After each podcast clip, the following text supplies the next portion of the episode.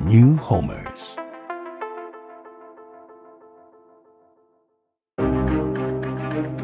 Cześć, nazywam się Andrzej Silczuk i jestem lekarzem psychiatrą. Niemyte dusze to podcast z pogranicza psychiatrii, neurobiologii i naszej codzienności. Opowiadam w nim o tym, jak współczesny styl życia wpływa na nasze zdrowie psychiczne. Odcinek trzeci. Pole minowe błogostanu farmakologicznego. Na początku chciałbym już tradycyjnie podziękować Wam za okazane dobro. Po emisji poprzedniego odcinka dostałem sporo wiadomości prywatnych, głównie poprzez Instagrama, i poprzez te wiadomości dotknąłem niesamowitej znowu gamy emocji, wzruszenia. Napisał do mnie m.in. jeden człowiek, który właściwie nie wahał się już, tylko postanowił, że mocno złamie abstynencję, że po prostu się potężnie upije. I mając w tym dniu powziętą tą decyzję, odpalił przypadkowo odświeżony odcinek. To jest niesamowity e, zbieg okoliczności, kiedy emisja odcinka trafiła w człowieka dokładnie w momencie, w którym powiedział sobie: Idę pobiegać czy pospacerować, włączę sobie jakiś podcast, wracam do domu i jadę przez cały weekend. Napisał mi krótko: Dzięki. Będę walczył o trzeźwość. Więc życzę Ci, stary, bezpiecznej drogi i trzeźwienia, bo chciałbym, żebyście mieli świadomość, że ten podcast właściwie mówi o takim raczej zdrowieniu niż tylko trzeźwieniu. Podcast nie dotyczy tylko uzależnień, on dotyczy, przynajmniej w moim założeniu, i mam nadzieję, że tak też go odbieracie, wszelkiej, każdej możliwej sfery życia, funkcjonowania, no i przede wszystkim świadomego, bezpiecznego, niezakłóconego podejmowania przez Was decyzji. Wracamy do odcinka. Odcinek trzeci. Pole minowe błogostanu farmakologicznego. Definicje pozornie wyjaśniają, czym coś jest. Za słowami, które oddają definicję, niekiedy kryją się usystematyzowane znaczenia. Oddają ich sens i nadają formułę. Niestety niektóre mogą również ograniczać, wypaczać perspektywę, dopowiadać historię, której nie ma. Nigdy nie było. Lek z definicji powinien leczyć, pomagać choremu albo chronić zdrowie.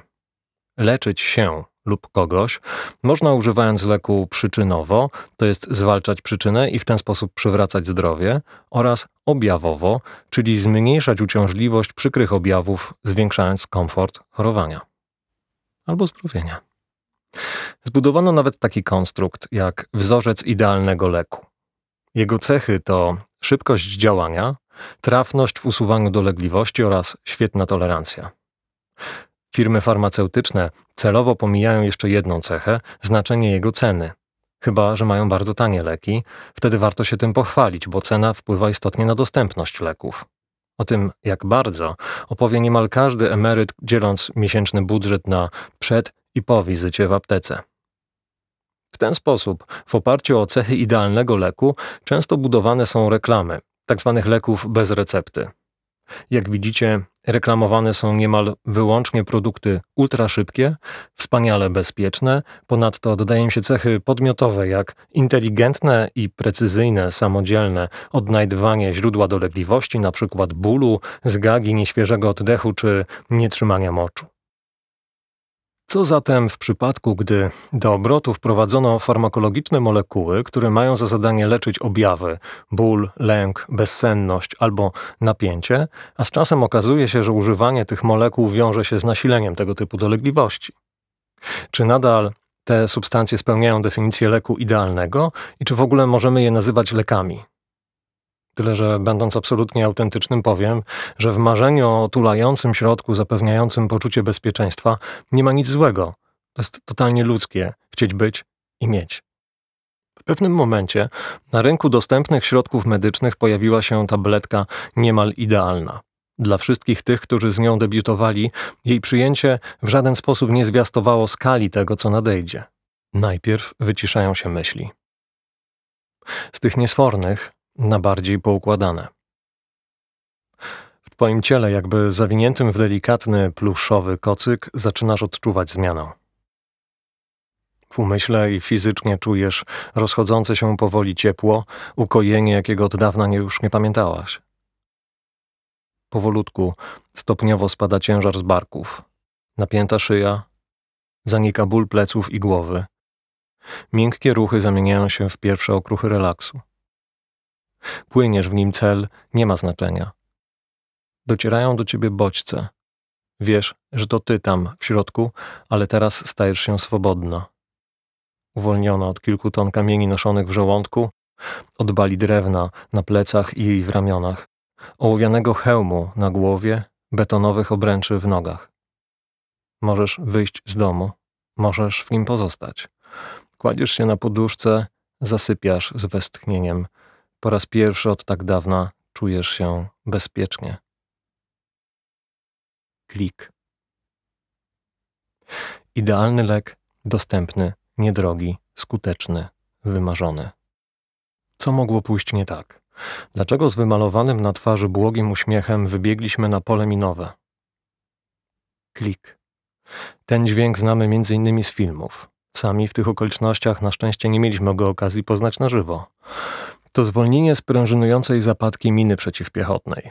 Gdy na niej staniesz, w tej samej chwili od wybrzmienia w twoich uszach tego dźwięku dociera do ciebie, że możliwe, że już nic nie będzie takie jak wcześniej.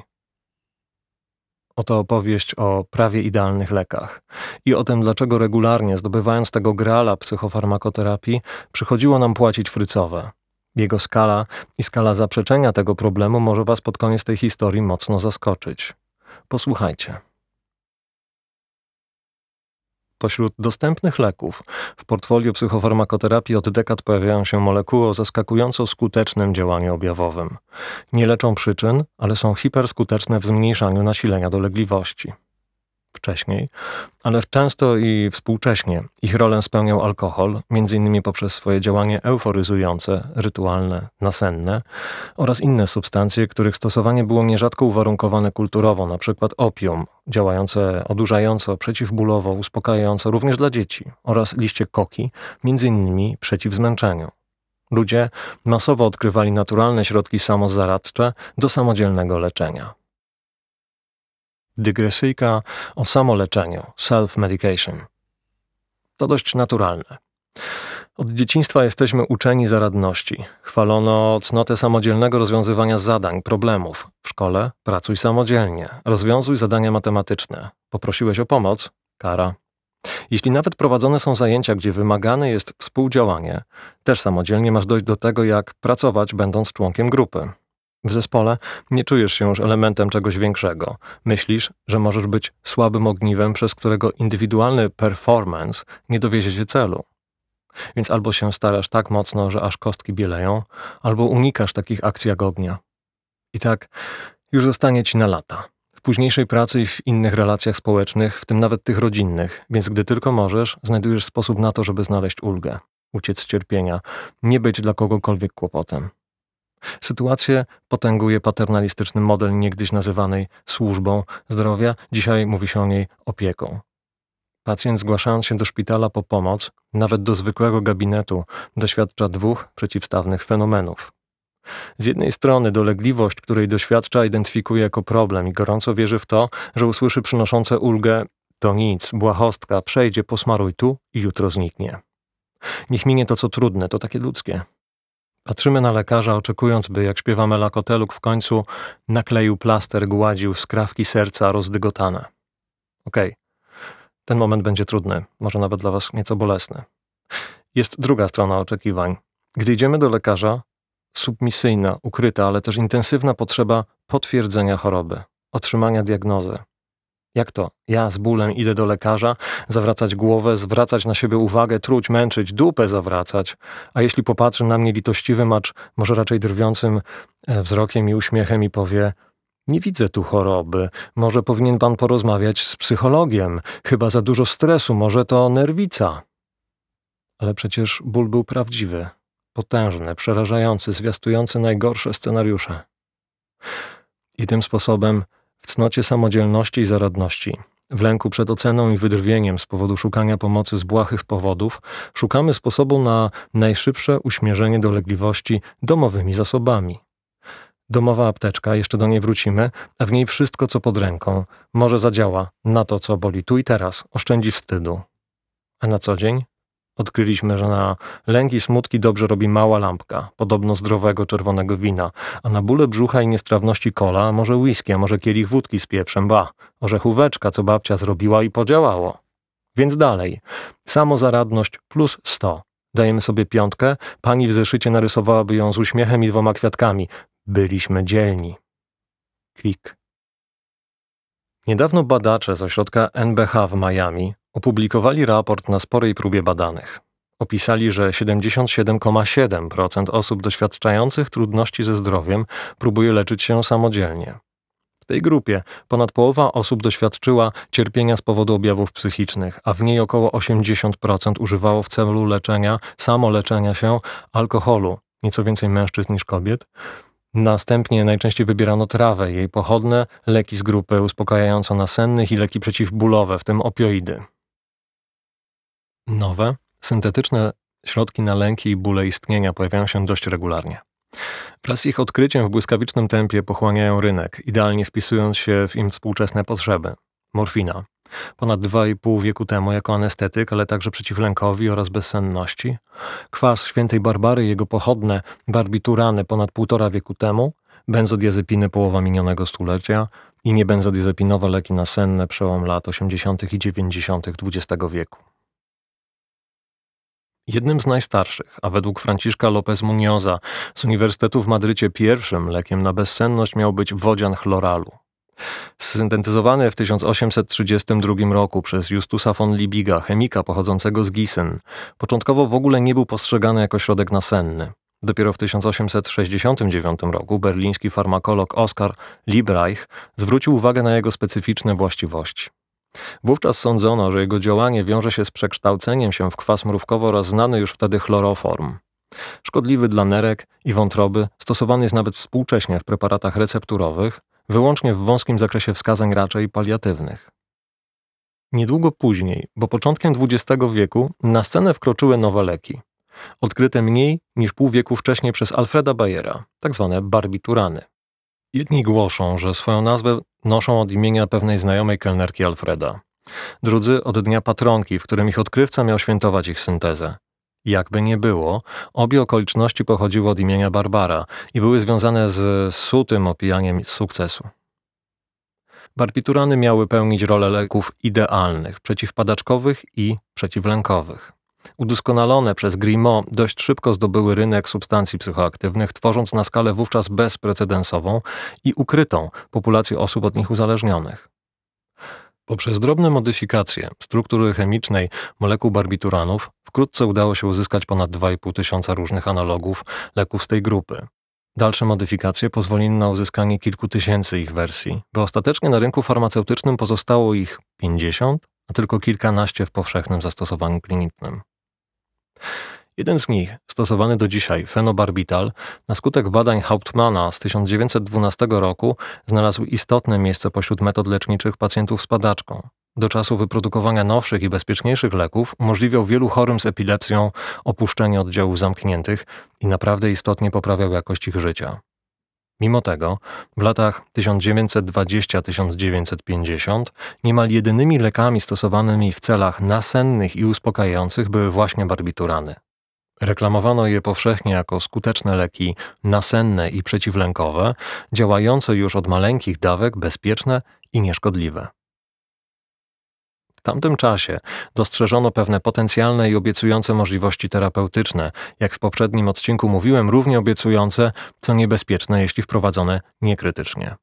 W latach dwudziestych zaproponowano leczenie osób psychotycznych, autystycznych, pobudzonych, a także z alkoholowym metodą terapii tzw. Pogłębionego snu prowadzonego z wykorzystaniem barbituranów, a także mieszanek morfiny, skopolaminy i somnifenu, to jest roztworu pochodnych kwasu barbiturowego w dietyloaminie. W raporcie z przeprowadzonego eksperymentu ujawniono, że pomimo obiecujących wyników z 26 pacjentów biorących udział w badaniu, troje zmarło. W późniejszych badaniach nad somnifenem ustalono odsetek śmiertelności w terapii na około 5% przypadków. Jeszcze ostrzej zaczęło się dziać w latach 50., między innymi za sprawą eksperymentatorów mieszających barbiturany z amfetaminą. Warto dodać, że mieszankę tych substancji stosowano również w psychiatrii w ówczesnych metodach leczenia zaburzeń nerwicowych, czyli szeregu zaburzeń lękowych.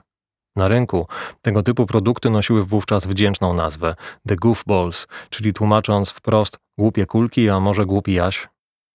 Kolejną łyżkę dziegciu z lat 50. XX wieku historii barbituranów dodają badania Camerona z kliniki psychiatrii w Montrealu, podobno finansowane przez CIA. Cameron miał pracować nad technikami prania mózgu, brainwashing, poprzez podawanie do odsłuchiwania nagrań propagandowych osobom pogrążonym w pogłębionym śnie. Huxley, pisząc w 1931 roku Nowy wspaniały świat, chyba nie śnił, że tak szybko mogą ziścić się jego futurystyczne i dystopijne wizje. Zarówno pod kątem warunkowania przez sen, jak i SOMY, tabletki regulującej wszelkie stany emocjonalne o globalnym zastosowaniu. O właściwościach uzależniających barbituranów po raz pierwszy pisano już nie dalej niż rok po ich skomercjalizowaniu, acz wiarygodne dowody na to, że ta grupa leków uzależnia, pochodzą z lat dopiero 50. Dygresyjka The Veronal Habit w marcu 1913 roku na łamach The Snowy River Mail opublikowano pewne doniesienie prasowe sygnowane pseudonimem A Physician, czyli lekarz. Posłuchajcie.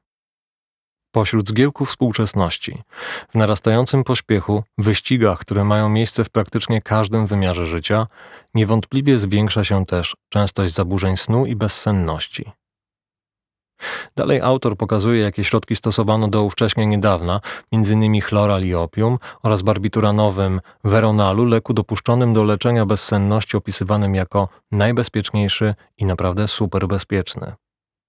Physician dobitnie wskazuje na kilka przypadków zgonów oraz ryzyko przyzwyczajenia się do leku, tzw. Tak veronal habit. Jakże ciekawe jest to zjawisko. Gdy mówi się o tym, że coś, co popularne jest potencjalnie szkodliwe i może być niebezpieczne, trzeba było blisko kolejnych 40 lat na to, by dobitnie wskazać na metodologicznie potwierdzoną szkodliwość. Gdy dzisiaj powie się, że coś jest potencjalnie świetne, a inni, że może być szkodliwe, hasło zróbmy badania, poczekajmy, dowiemy się, spotyka się z ostracyzmem i jest przejawem braku postępowości. Smuci, że ponad 100 lat temu te same przyczyny, jakie wskazuje się dzisiaj jako towarzyszące stylowi życia i szkodliwe, zarazem hakowano poprzez przyjmowanie substancji, a nie zmianę trybu na spokojniejszy, lepszy nie tylko dla mózgu, ale i dla samych siebie. W 1952 roku Komitet Ekspertów do spraw narkotyków WHO zarekomendował, że barbiturany powinny być dostępne wyłącznie drogą przepisania recepty. Na domiar tego w 1965 roku w samej Anglii zarejestrowano 135 tysięcy osób uzależnionych. W podobnym czasie w Stanach Zjednoczonych blisko dwukrotnie więcej Amerykanów uzależniło się od barbituranów. Ich toksyczność poprzez ryzyko zatruć, czyli jak pamiętacie, intoksykacji i depresji ośrodka oddechowego, pchnęła inżynierię farmakologiczną w kierunku poszukiwania bezpieczniejszych leków. W latach 60. wprowadzenie do obrotu pierwszej benzodiazepiny rozpoczęło zmierzch erydominacji barbituranów, rozpoczynając nowe, podstępne czasy. Mimo tego współcześnie w Stanach Zjednoczonych nadal produkuje się około 30 tabletek na mieszkańca rocznie. W badaniach z ostatnich dwóch dekad w Australii odnotowano ponad 500 przypadków zgonów związanych z przedawkowaniem barbituranów. Tymczasem dygresyjka. Czym jest depresja ośrodka oddechowego? Tutaj depresja nie ma nic wspólnego z obniżeniem nastroju. Rozumiana jest dosłownie jako depresja, czyli obniżenie, ale obniżenie czynności. Jest to zaburzenie oddychania przejawiające się spłyceniem i stopniowym spowolnieniem liczby oddechów na minutę.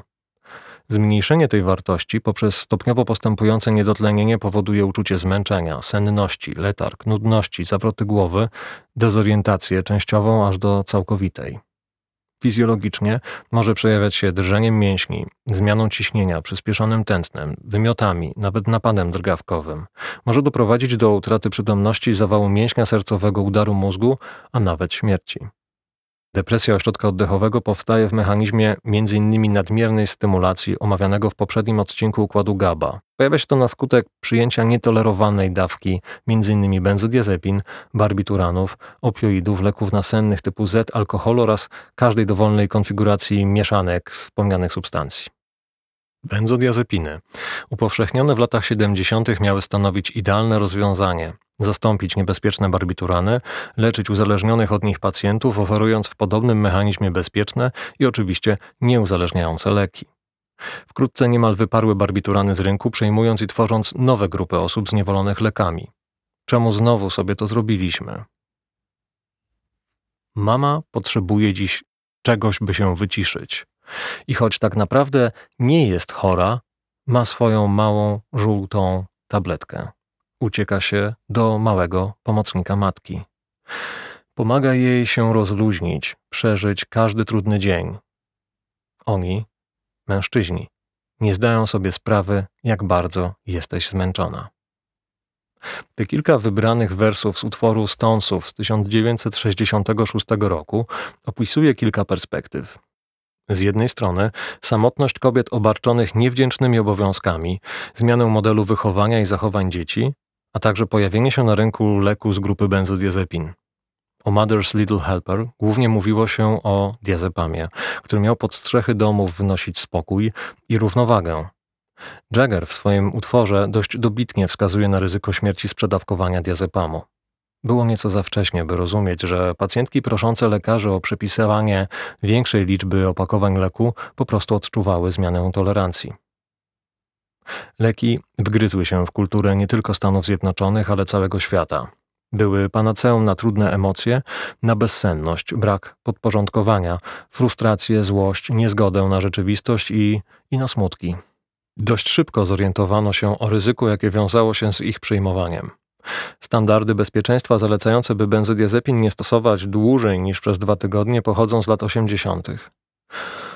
W 1988 roku Komitet Bezpieczeństwa Leków zareagował na coraz częściej zgłaszane objawy i obawy, dobitnie wytyczając zasady dotyczące używania leków z grupy benzodiazepin.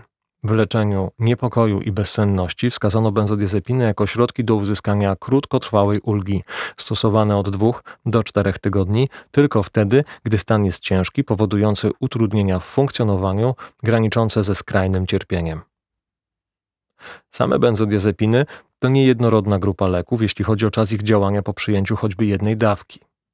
Doniesienia naukowe z ostatnich 20 lat wykazały jednoznacznie, że zalecenia tzw. Tak bezpiecznego stosowania nie dłużej niż dwa tygodnie nie obejmują realnego czasu półtrwania metabolicznego tych środków. Pamiętacie o czasie półtrwania mówiłem w ostatnim odcinku. I tak w przypadku regularnego stosowania, przykład codziennie przez dwa tygodnie, jednej porcji jednej z długo działających benzodiazepin. To może być diazepam, klorazepat, i kilka magicznych nazw, jeszcze klonazepam, estazolam, chory pozostaje pod ich wpływem przez kilka kolejnych tygodni. Ryzyko rozwinięcia się uzależnienia u tej osoby istotnie się zwiększy. Nie zmienia to tego, że nawet współcześnie pojawiają się zaskakujące treści w jednej z najważniejszych pozycji książkowych dla lekarzy psychofarmakologów.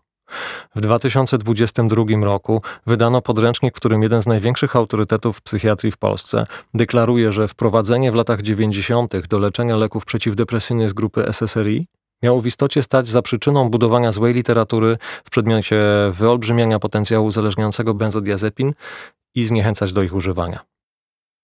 Lekarze i pacjenci, według opinii autora, mieli być indoktrynowani, a konsekwencją tego pacjenci mieli unikać stosowania benzo jako leków skutecznie przynoszących ulgę w cierpieniu. Dalej profesor dowodzi, że leki z tej grupy są skuteczne i dobrze tolerowane somatycznie. Ponadto, że mogą być stosowane w leczeniu długoterminowym, a ich potencjał uzależniający jest prawdopodobnie wyolbrzymiony i przy odpowiednim stosowaniu można mu skutecznie zapobiec. Całość dwuakapitowej opinii zwieńczono dwukrotnie tym samym przypisem źródłowym, poniekąd wskazującym na zobiektywizowanie opinii o pracy innych badaczy. Sprawdźmy to. Cytowana praca to publikacja Richarda Bailona i współpracowników członków Międzynarodowej Grupy Roboczej na rzecz benzodiazepin, publikacja z maja 2020 roku, złożona na łamach brazylijskiego żurnala psychiatrii. Spod pióra członków tej grupy powstały liczne prace poglądowe ukierunkowane na budowanie pozytywnego wizerunku tej właśnie grupy leków. De facto cytowana praca to nie jest ani przegląd badań, ani oryginalna praca badawcza, ani nawet praca poglądowa. To jest tylko tak zwany edytorial. Z założenia tego typu krótkie publikacje to stanowiska redakcji czasopisma lub osób spoza redakcji zaproszonych do jego wyrażenia. Publikacje takie są nośnikami opinii, często kontrowersyjnej, mającej na celu uruchomić dyskusję w środowisku akademickim. Publikację tego edytorialu oparto o sześć cytowanych pozycji, z czego część pochodziła z lat 70. i 90. Cytowanie z roku 1990 miało ugruntować postulowane przez autorów niewielkie ryzyko uzależnienia od benzodiazepin przy odpowiednim ich stosowaniu. Była to praca innej grupy roboczej pracującej nad opinią dotyczącą bezpieczeństwa stosowania benzodiazepin i tym sposobem współczesna grupa robocza opiera swoje opinie o pracę innej sprzed 30 lat. Przy okazji całkowicie ignorując dorobek trzech dekad badań w obszarze skuteczności i bezpieczeństwa stosowania benzodiazepin. Ponadto jedna praca cytowana mm, odnosiła się do przeglądu badań porównujących stosowanie benzodiazepin z lekami przeciwdepresyjnymi, ale nie SSRI, tylko lekami z poprzedniej generacji, czyli trójpierścieniowymi. Edytorial Bailona jest polemiczny. Nie podlega procesowi podwójnej recenzji, gdyż jest to typ publikacji na tzw. Tak zaproszenie. Recenzenci dopuszczający prace nawet poglądowe przed ich publikacją zwracają uwagę na cytowane źródła. Jeśli źródła nie są obiektywne, zarzucają autorom ich selektywny wybór, ukierunkowany na wzmacnianie własnych przekonań. Co stało się na rynku polskiej szkoły psychiatrii? Wspomniane wcześniej przekonania o bezpieczeństwie, demonizowanych zagrożeniach i możliwościach stosowania benzodiazepin długoterminowo oparto o cytowanie edytoriala.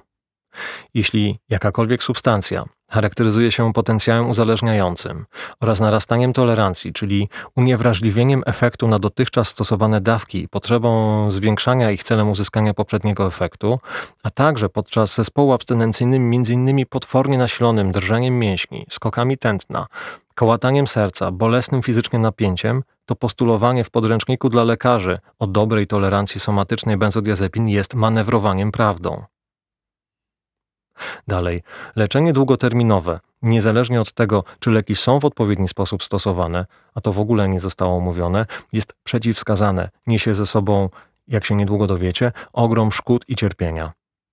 Adwocem, jak już wiecie, leki uspokajające są lekami objawowymi. Leki przeciwdepresyjne, również te z grupy SSRI, to leki o charakterze przyczynowym. W związku z tym całe pozycjonowanie SSRI w latach 90. faktycznie konkurowało z rynkiem chorych stosujących przewlekle benzo jako leki przeciwlękowe, głównie po to, by zwiększyć bezpieczeństwo chorych, a także uzyskać szansę na osiągnięcie remisji bezlekowych, co w przypadku SSRI stało się wreszcie możliwe. O tym, jakie znaczenie faktycznie miało to dla producentów, to jest firm produkujących te farmaceutyki, dowiecie się już niedługo. W latach 90. wydarzyło się coś jeszcze. Z ich końcem portfolio farmakoterapeutyczne wzbogaciły kolejne idealne leki. Leki z grupy Z, czyli niebenzodiazepinowe leki nasenne. Początkowo lokowano je znowu jako leki absolutnie bezpieczne i nieuzależniające, jako rozwiązanie alternatywne dla benzodiazepin w leczeniu zaburzeń snu, podobnie jak niegdyś benzodiazepiny w relacji z barbituranami. Przegląd badań i opinii wskazuje na to, że leki Z, np. zolpidem i zopiklon, są przepisywane jako leki pierwszego rzutu w leczeniu bezsenności. Zwraca się uwagę na liczne ryzyka związane z ich używaniem, głównie upadki, złamania, wypadki samochodowe. W przypadku zopiklonu donoszono o utrzymującym się nawet 11 godzin po użyciu pogorszeniu zdolności do prowadzenia pojazdów. Pojedyncze raporty na temat pogorszenia funkcji pamięci, zamazanej mowie, ryzyku podobnie jak w przypadku benzodiazepin wcześniejszego rozwoju otępienia. A teraz mocny kawałek. Chwilę temu ogłoszono w pracy badawczej, że stosowanie leków nasennych często lub prawie codziennie zwiększa ryzyko rozwoju otępienia o blisko 80% w porównaniu do osób, które nie używają lub używali je rzadko. Vincent Scharner wraz z zespołem badaczy w 2022 roku potwierdził, że w strategiach krótkoterminowego leczenia leki Z są skuteczne, ale wyraźnie i wprost zarekomendował zaprzestanie leczenia osób w wieku podeszłym lekami z tej grupy, wzywając do pogłębionych badań w związku z istotnym ryzykiem upadku, ich skutek złamań oraz ryzyka rozwoju uzależnienia przy dłuższym stosowaniu. Cofnijmy się nieco w czasie. W 2001 roku Światowa Organizacja Zdrowia ogłosiła, że odsetek osób uzależnionych od zolpidemu jest podobny jak w przypadku użytkowników benzodiazepin. Wdrożono zalecenia odnośnie limitu czasu tzw. Tak bezpiecznego ich stosowania. Ciekawe, że nie dalej niż 4 lata później FDA, amerykańska agencja do spraw żywności i leków, dopuściła do stosowania S-zopiklon oraz zolpidem o przedłużonym działaniu bez ograniczeń czasowych w ich stosowaniu. Niedługo później wdrożono ostrzeżenia i limity dawkowania nieuzależniającego leku o działaniu uspokajającym i przeciwalergicznym hydroksyzyny, prawdopodobnie głównej rywalki leków Z na rynku pierwszych ordynowanych leków pośród pacjentów z zaburzeniami snu. W 2019 roku Fabrizio Schifano wraz z zespołem badaczy podjął się analizy danych z rejestru Systemu Nadzoru Bezpieczeństwa Farmakoterapii Europejskiej Agencji Leków. Zbierano informacje na temat każdego zgłoszonego przypadku wystąpienia nadużycia leku, uzależnienia lub wystąpienia zespołu odstawiennego. Łącznie uzyskano ponad 33 tysiące przypadków, z tego 23 tysiące dotyczyły zolpidemu, niemal 10 tysięcy z opiklonu i pół tysiąca zaleplonu. Liczba śmiertelnych przypadków towarzyszących występowaniu tych powikłań wynosiła dla zolpidemu ponad 20%, a w przypadku zopiklonu blisko 10%. Publikacji z ubiegłego roku Edward Laforgue udowodnił, że poprzez wprowadzenie we Francji w 2017 roku zwiększonej kontroli nad przepisywaniem recept na zolpidem poprzez druki specjalnego zarachowania istotnie zmniejszył się odsetek osób nadużywających tego leku. Dygresja o tym, jak te wszystkie leki działają na mózg, tak w skrócie. Moje ulubione porównanie to wyobrażenie sobie, że nasz mózg jest takim sobie bytem, który lubi ciepło i lubi jak jest błogo. No bo kto nie lubi? Wyobraźcie sobie, że można zatem przyjmując tabletkę zanurzyć ten nasz spragniony ulgi mózg w, wyobraźmy sobie taką miednicę pełną ciepłego kisielu, mięciutko, prawda? Problem w tym, że relacja między układem GABAergicznym a resztą jest taka, że 40% komórek nerwowych mózgu, neuronów, reaguje na neurotransmitter GABA, co oznacza każdorazowe wywoływanie znaczącego efektu stymulacji tego układu. Problem ze wszystkimi lekami, o których mówiłem wcześniej, jest taki, że przyjmowanie benzodiazepin, czyli utrzymywanie ich stałego poziomu w surowicy, powoduje przeciążenie neuronów i obniżenie ich reaktywności na neuroprzekaźniki pobudzające. Gorzej, może zmniejszać sekrecję noradrenaliny, serotoniny, acetylocholiny i dopaminy, czyli kluczowych w procesach czuwania, czujności, pamięci, koordynacji, wydzielenia dokrewnego, regulacji rytmów serca i ciśnienia krwi, a w związku z tym prowadzi do przewlekłego efektu uspokajająco-nasennego, który jest zależny od dawki leku. A skoro tak, to u osób przewlekle używających albo uzależnionych od benzodiazepin i barbituranów albo leków nasennych Z, stosowanie innych leków mierzy się z istotnymi ograniczeniami ich efektu. To jakby ktoś wrzucał pojedyncze tabletki, celując w mózg zanurzony w ciepłym kisielu, a one zamiast do niego dotrzeć, grzęzną w mazi, dryfując w dowolnym kierunku. Część dotrze, część zabłądzi. Niesie to za sobą klinicznie obserwowane przypadki tzw. Tak lekoopornych zaburzeń nastroju, zaburzeń lękowych, które nie reagują na leki, psychos, gdzie stosowane leczenie przynosi ogromne postępy wraz ze skutecznym przejściem leczenia uzależnienia od leków, no i oczywiście ich bezpiecznego odstawienia. A teraz będzie kolejna dygresyjka. Dwie dygresje, zawsze więcej, zawsze lepiej. Dygresyjka eksperymentalna. Teraz zróbcie małe doświadczenie. Odważnie rzucam challenge każdym polskim domu jest teraz takie miejsce, malutki składzik, pudełeczko, półka, szuflada, szafka na niedokończone opakowania leków. Na takie leki na potem, na wszelki wypadek, bo szkoda, bo to wszystko kosztowało pieniądze. Jeśli panuje tam porządek, gratulacje, połowa challenge'u za wami. Jeśli nie, w końcu jest jakaś mała, wymierna korzyść podcastu z Silczukiem. Podobno nie da się mnie słuchać do sprzątania, tak mi powiedziano. Nie wiem do końca, czy to komplement, czy pretensja. Uwaga, pogodzę teraz oba środowiska słuchaczy i słuchaczek. Podzielcie leki na grupkę tych, o których wiecie, że z pewnością mogą się przydać w czasie najbliższych 6 miesięcy, oraz tę drugą leków na bliżej nieznane potem. Ta na nieznane potem do kosza. Do kosza na niepotrzebne leki w aptece. Co z tą kubką, która ma szansę na wykorzystanie? Najpierw sprawdźcie datę ważności. To jest najciekawsza część eksperymentu. To teraz już wiadomo, które idą do kosza ponownie. Zostało istotnie mniej opakowań. Najważniejszy etap to to, które z tych leków są potencjalnie niebezpieczne, mogą być zagrożeniem dla postronnej, zagubionej, nieświadomej lub zainteresowanej doświadczeniami jakiejś osoby. Jeśli nie ma takich leków, to jest cudownie. Jeśli są, to pomyślmy, dlaczego były w tak łatwo, choć możliwe, że nieco zabałaganionym, ale super dostępnym miejscu. W publikacjach alarmuje się. W 2019 roku Greta Bushnell ze współpracownikami przebadali blisko 85 tysięcy amerykańskich dzieci i młodzieży używających benzodiazepin przepisanych na receptę. Badacze zwrócili uwagę na to, że tylko dwoje na troje dzieci miało potencjalne wskazania do stosowania tych leków. Co piąte dziecko miało wcześniej przepisywany jeden z opioidów uzależniających leków przeciwbólowych. 6% dzieci zostało uzależnione od benzodiazepin. Warunki tego badania wskazywały na sytuację, gdzie przedstawiciele zawodu lekarzy formułowali zalecenia lecznicze i przepisywali leki. Co z przypadkowymi lub nieprzypadkowymi, a w ramach poszukiwania doznań i przeżyć inicjacjami używania leków z tych grup w warunkach domowych? Jestem przekonany, że może część z Was właśnie znalazła w swoich domowych apteczkach jakiegoś przedstawiciela farmakologicznego błogostanu. Współcześnie na forach dla młodych i dojrzałych hyperów można znaleźć publikacje, gdzie młodzież podaje sobie haki na to, jak zrobić sobie kac Vegas. Podaje liczbę tabletek np. zolpidemu i objętość piwa, które łącznie spowodują, że film się urwie, a potem będzie beka. Palimpsest. No po prostu boki zrywać.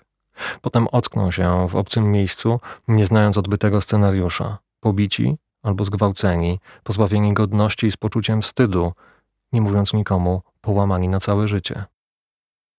Klik. Ekonomiczne zależności. Dlaczego nadal promuje się na zjazdach profesjonalistów, lekarzy psychiatrów leki z grupy benzodiazepin i leki nasenne typu Z? To pytanie jest retoryczne. Motywacje z pewnością są różne. Nad niektórymi możemy się zastanowić razem. Z ekonomicznego punktu widzenia Leki, których stosowanie zarezerwowano do krótkotrwałych interwencji, nie więcej niż dwu czy nawet czterotygodniowych, oznaczałoby, że segment sprzedaży tych produktów nie powinien zajmować istotnego klastera. Wyobraźmy sobie, że rocznie przypada nam jeden sezon stosowania takiego leku zgodnie z zasadami. Co w sytuacji, gdy u pacjenta rozwija się tolerancja, a następnie uzależnienie? Co się zmienia, gdy przekracza się limit. Tak bezpiecznego stosowania? Przypominam, że limit ten powinien być również skorygowany o czas półtrwania leku, przykład jedna tabletka diazepamu 5 mg przy czasie półtrwania jego głównego czynnego psychotropowo-metabolitu to około 200 godzin. Metabolizuje się więc bardzo, bardzo długo.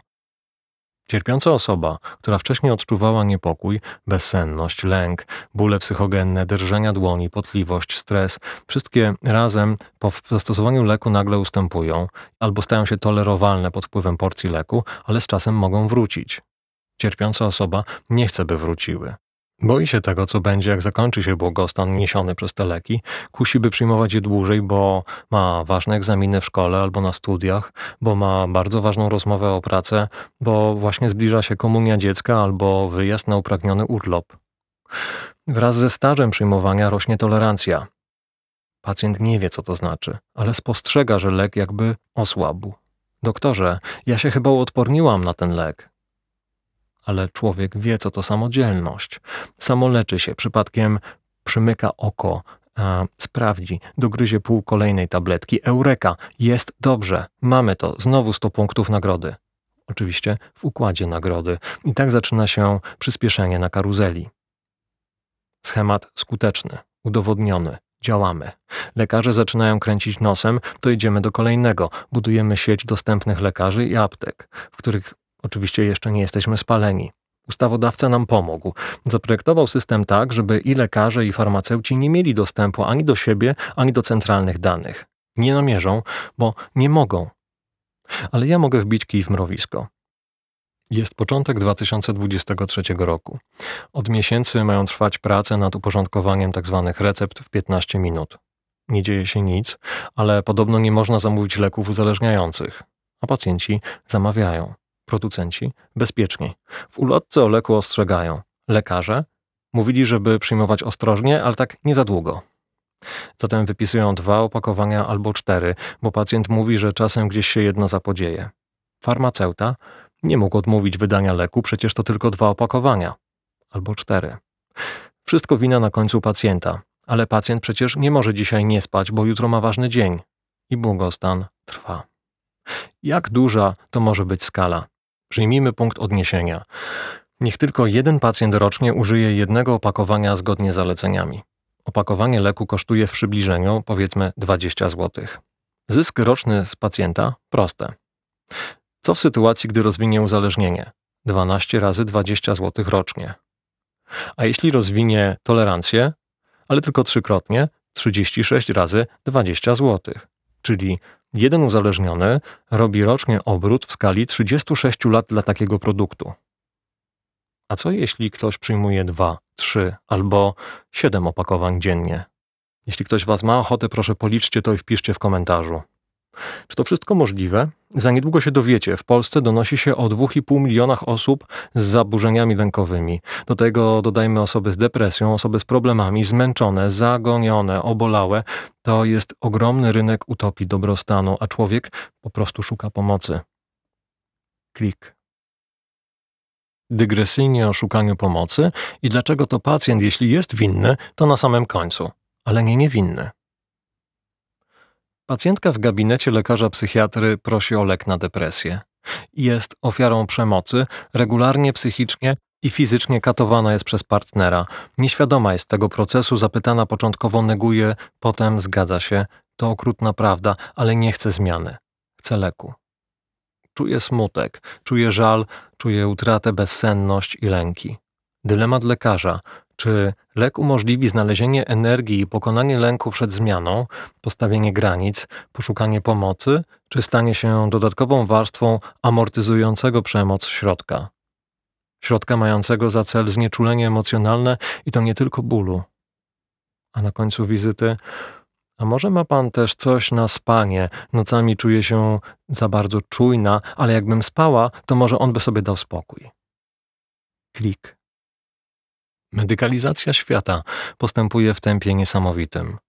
Więcej dowiecie się o tym w kolejnym odcinku zaplanowanym przeze mnie, ale coraz więcej treści naszego codziennego życia migruje z obszaru zachowań typowych, atypowych, różnorodnych, codziennych, niecodziennych, rzadkich, dziwnych, trudnych, bolesnych, do kręgu zaburzeń i przejawów chorób. Choćby formalnie z nimi nawet nie były w jakikolwiek sposób związane, albo nawet tak nazywane. Szukamy rozwiązań najczęściej na zewnątrz – Pamiętacie? 1913 rok i obserwacje ówczesnego publicysty, który ponad 100 lat temu mówił, że pędziliśmy, tempo życia narastało, brakowało tchu, karuzela kręciła się już wtedy. Kręci się bez przerwy, a dzisiaj do tego jeszcze się mówi samorozwój, samodyscyplina, sam to, sama tamto, samoleczenie. Jak to jest obecnie z lekami uspokajającymi i nasennymi? Dla tego fragmentu poproszę Was o otwarcie głów, bo w szczerości, jaką się podzielę, nie trzeba było stosować tak zwanego serum prawdy. Krótkim dygresyjnym nawiasem mówiąc, oryginalnie do grupy środków z serum prawdy należał m.in. etanol, Indvino Veritas, ale także midazolam, flunitrazepam, amobarbital, stosowano niegdyś także w tym celu meskalinę i LSD. Badania ostatnich lat nad zmianą częstości używania substancji psychoaktywnych w większości donosiły o zwiększeniu się w lockdownie w czasie pandemii używania głównie alkoholu, ale także innych środków. Prace alarmujące o zwiększeniu zażywania benzodiazepin, głównie poprzez kobiety oraz osoby starsze, zwracały uwagę na specyficzną i odmienną cechę tego zjawiska. W tym przypadku osoby, które zintensyfikowały używanie leków uspokajających, nie wiązały tego, tak jak na przykład osoby pijące alkohol, z pandemią czy lękiem przed koronawirusem. Skąd ta odmienność? Strzelam. Zwiększenie tolerancji i oczywiście samoleczenie się. Międzynarodowe badanie SMMed, czyli Europejskie Badanie nad Epidemiologią Zaburzeń Psychicznych, wykonano w sześciu krajach europejskich: w Belgii, Francji, we Włoszech, w Niemczech, Holandii i Hiszpanii. Autorzy stwierdzili, że leki przeciwlękowe były najczęściej stosowanymi lekami psychotropowymi na poziomie blisko 10% pacjentów, często poza wskazaniami. Podobne wyniki uzyskiwano w innych badaniach. We Francji 3 na 4 pacjentów przyjmuje te leki ponad, przez ponad 6 miesięcy. W Irlandii co trzeci pacjent ma przepisywane leki ponownie, mimo formułowania w dokumentacji wyraźnych zaleceń odnośnie krótkotrwałego leczenia. Podobnie źle dzieje się w Norwegii i Finlandii.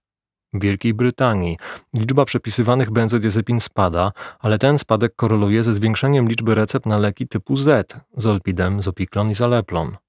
Liczba tych recept jest nadal bardzo wysoka i nie jest zgodna z wytycznymi opublikowanymi przez Brytyjski Narodowy Instytut Doskonałości Klinicznej. Badania dowodzą niezbicie, że każde wcześniejsze stosowanie benzodiazepin, nawet krótkotrwałe, wydaje się być czynnikiem ryzyka późniejszego rozwoju uzależnienia od tych leków. Jednak niekoniecznie jest tak, że wszyscy długotrwale używający benzodiazepiny są od nich uzależnieni. Holenderskie badanie, w którym wnikliwie przyjrzano się przewlekłym użytkownikom benzodiazepin, wykazało, że 40% pacjentów lekarzy rodzinnych, 63% pacjentów psychiatrycznych i 82% osób korzystających z samoleczenia były uzależnione od tych leków. Czy fakt, że nie wszyscy się uzależnili, uspokaja? W tym samym czasie w Polsce jeden z moich kolegów psychiatrów, z którym notabene pokłóciłem się o to omawiając przy zespole swojego pacjenta, oświadczył: No i wypisałem tej pacjentce alprazolam, tak tylko na pół roku, żeby się nie uzależniła. Klik. Przecież to lekarz przepisał. Udowodniono korzyści z odstawiania benzodiazepin. Na przykład w prowadzonym przez 3 lata badaniu Rickels i grupy badaczy stwierdzono, że 73% pacjentów, którzy odstawili benzodiazepiny, radziło sobie bez leków przeciwlękowych przez 3 lata po ich odstawieniu, w porównaniu z zaledwie 39% pacjentów, którzy ograniczyli ich stosowanie, ale nie zaprzestowali ich używania i 14% tych, którzy odmówili udziału w oryginalnym programie, ale nadal pozwolili się monitorować. Wydaje się, że współcześnie największym problemem jest niemedyczne stosowanie benzodiazepin i leków nasennych. Niemedyczne to jest niezgodne z zasadami stosowania ich najkrócej, w możliwie najniższej dawce, wyłącznie wtedy, gdy niezbędne jest ich zastosowanie. Niczym narzędzie ostatniego ratunku, choć czasem stosowane na samym początku drogi do zdrowienia, należy wyraźnie rozważyć wszelkie za i przeciw ich stosowaniu. One pomagają, pomagają na chwilę przetrwać najgorsze. Działają wtedy, gdy są metabolizowane, ale potem ten efekt zanika. To jest trochę tak jak długi weekend. Gdy jadąc nad jeziora czy w góry przez cały dzień w samochodzie w piątek, w sobotę, odpoczywamy na siłę, chcemy nadrobić wszystko i wszędzie, żeby w niedzielę z powrotem wsiąść do samochodu i dojechać do domu. Oczywiście potem musimy się zmierzyć z poniedziałkiem w pełnej jego krasie. Tak samo chwilowe gaba wakacje zawsze na końcu zmuszą nas do zmierzenia się z chłodną naturą rzeczywistości. W badaniu zgonów związanych z używaniem leków, w tym opioidów w Stanach Zjednoczonych rocznie umiera 175 tysięcy osób. Opioidom warto będzie kiedyś poświęcić przynajmniej jedno nasze nagranie. Pamiętacie z poprzedniego odcinka, ile osób umiera z powodu innych substancji? W tym czasie liczba zgonów związanych z benzodiazepinami wzrosła o 514%, a zgonów związanych z używaniem benzodiazepin łącznie z opioidami o 819%. Alprazolam i diazepam znalazły się wśród top 10 substancji najczęściej powodujących zgony z przedawkowania. Podobnie zaczyna się dziać w Europie. Ja przepracowałem w oddziale leczenia zespołów abstynencyjnych kilkanaście lat. Jako rezydent, młodszy asystent, starszy asystent, adiunkt, ordynator oddziału, a w końcu jako kierownik zespołu klinicznego. Gdy w oddziale ogólnopsychiatrycznym rocznie hospitalizowanych jest około pół tysiąca pacjentów, to w takim typowym detoksie przynajmniej dwa do trzech razy więcej. Oznacza to, że w czasie swojej pracy miałem kontakt, wydaje mi się, z kilkunastoma tysiącami hospitalizacji. Oczywiście nie pacjentów, bo część z nich wracała po prostu wielokrotnie. My znaliśmy na pamięć ich imiona, znaliśmy ich historię, wracali po kilka razy, a potem nagle nie. Historie smutne, tragiczne, na końcu najtragiczniejsza. Znaleziono Krzyśka, zamarzniętego na przystanku wczoraj. Jacek zmarł na Wołoskiej, przywieźli, skatowany w jakiejś bramie. Ania powiesiła się w hotelu na Fuerteventurze. Miała nawrót. Szkoda, że wypisała się na żądanie. Takie informacje mówiły nam nasze światłowody komunikacyjne albo od pacjentów, albo od innych pielęgniarek. Agata i Franek. Toksyczna znajomość. Ona kochała benzodiazepinę, on dobre życie i alkohol. Ją kochał mąż, jego nie kochała matka. Agata wyszła do domu, zdetoksykowana, zdrowiejąca pod opieką męża, z którym latami się rozwodziła. Wtedy, gdy była sama, do jej mieszkania przyszedł Franek. Otworzyła. Wyciągnął dłoń, w niej miał kilka tabletek. Co miałam zrobić? Po prostu je wzięłam i zjadłam. Ocknęła się półprzytomna. W wyziębionym domu mieszkanie opędzlowano z najcenniejszych fantów. Pani doktor przyjmuje rano dziesięć tabletek. Po to, żeby wstać z łóżka, bo bez tego nie jest w stanie. Potem kolejne dziesięć śniadanie. Wystawia pierwsze recepty na nazwiska swoich pacjentów. Dwadzieścia tabletek. Wychodzi z domu. Kolejne dziesięć po drodze, bo zaczęła czuć niepokój. Dziesięć po wyjściu z trzeciej apteki. Ta jest daleko, bo z poprzednich już zaczęli dopytywać. Jeszcze dwie apteki i do domu. Jutro musi jechać do innej dzielnicy. Jest dom. Jest piętnaście tabletek. Krótka drzemka. godzinka. Coś zjadła, 10 tabletek byle do wieczora. Jest wieczór, ale po drodze jeszcze mała porcja pięciu tabletek, no i można spróbować 30 tabletek, pośpi 4, może 5 godzin, jeśli się uda. W nocy dobierze jeszcze 10, bo poszła siku i bała się, że nie zaśnie. Policzyliście? Podpowiem. 130 tabletek, 1300 mg zolpidemu, leku dawkowanego początkowo w porcji 5 do maksymalnie 10 mg na dobę. Człowieka można zniszczyć, ale nie pokonać. Ej, Santiago, Santiago. Kolejny. Profesor inżynier. Emeryt staruszek. Szał w oczach, w nocy zaburzenia świadomości, protezy stawów biodrowych aż trzeszczą, gdy próbuje skakać. Rodzina jest załamana, bo w nocy otwierał okna, chciał wychodzić, a mieszkają na siódmym piętrze. Zolpidem i mieszanka paracetamolu z difenhydraminą. Zolpidemu 8 tabletek, ale tolerancja narosła, a rodzina wydziela lek. Paracetamolu 10 do 12 tabletek na dobę. Toksyczna dawka. Dlaczego? Bo w reklamie mówili, że ten bezpieczny i skuteczny lek, co ma w nazwie noc, ułatwia zasypianie, a tamten zwykły to jest na bóle głowy. Kaja.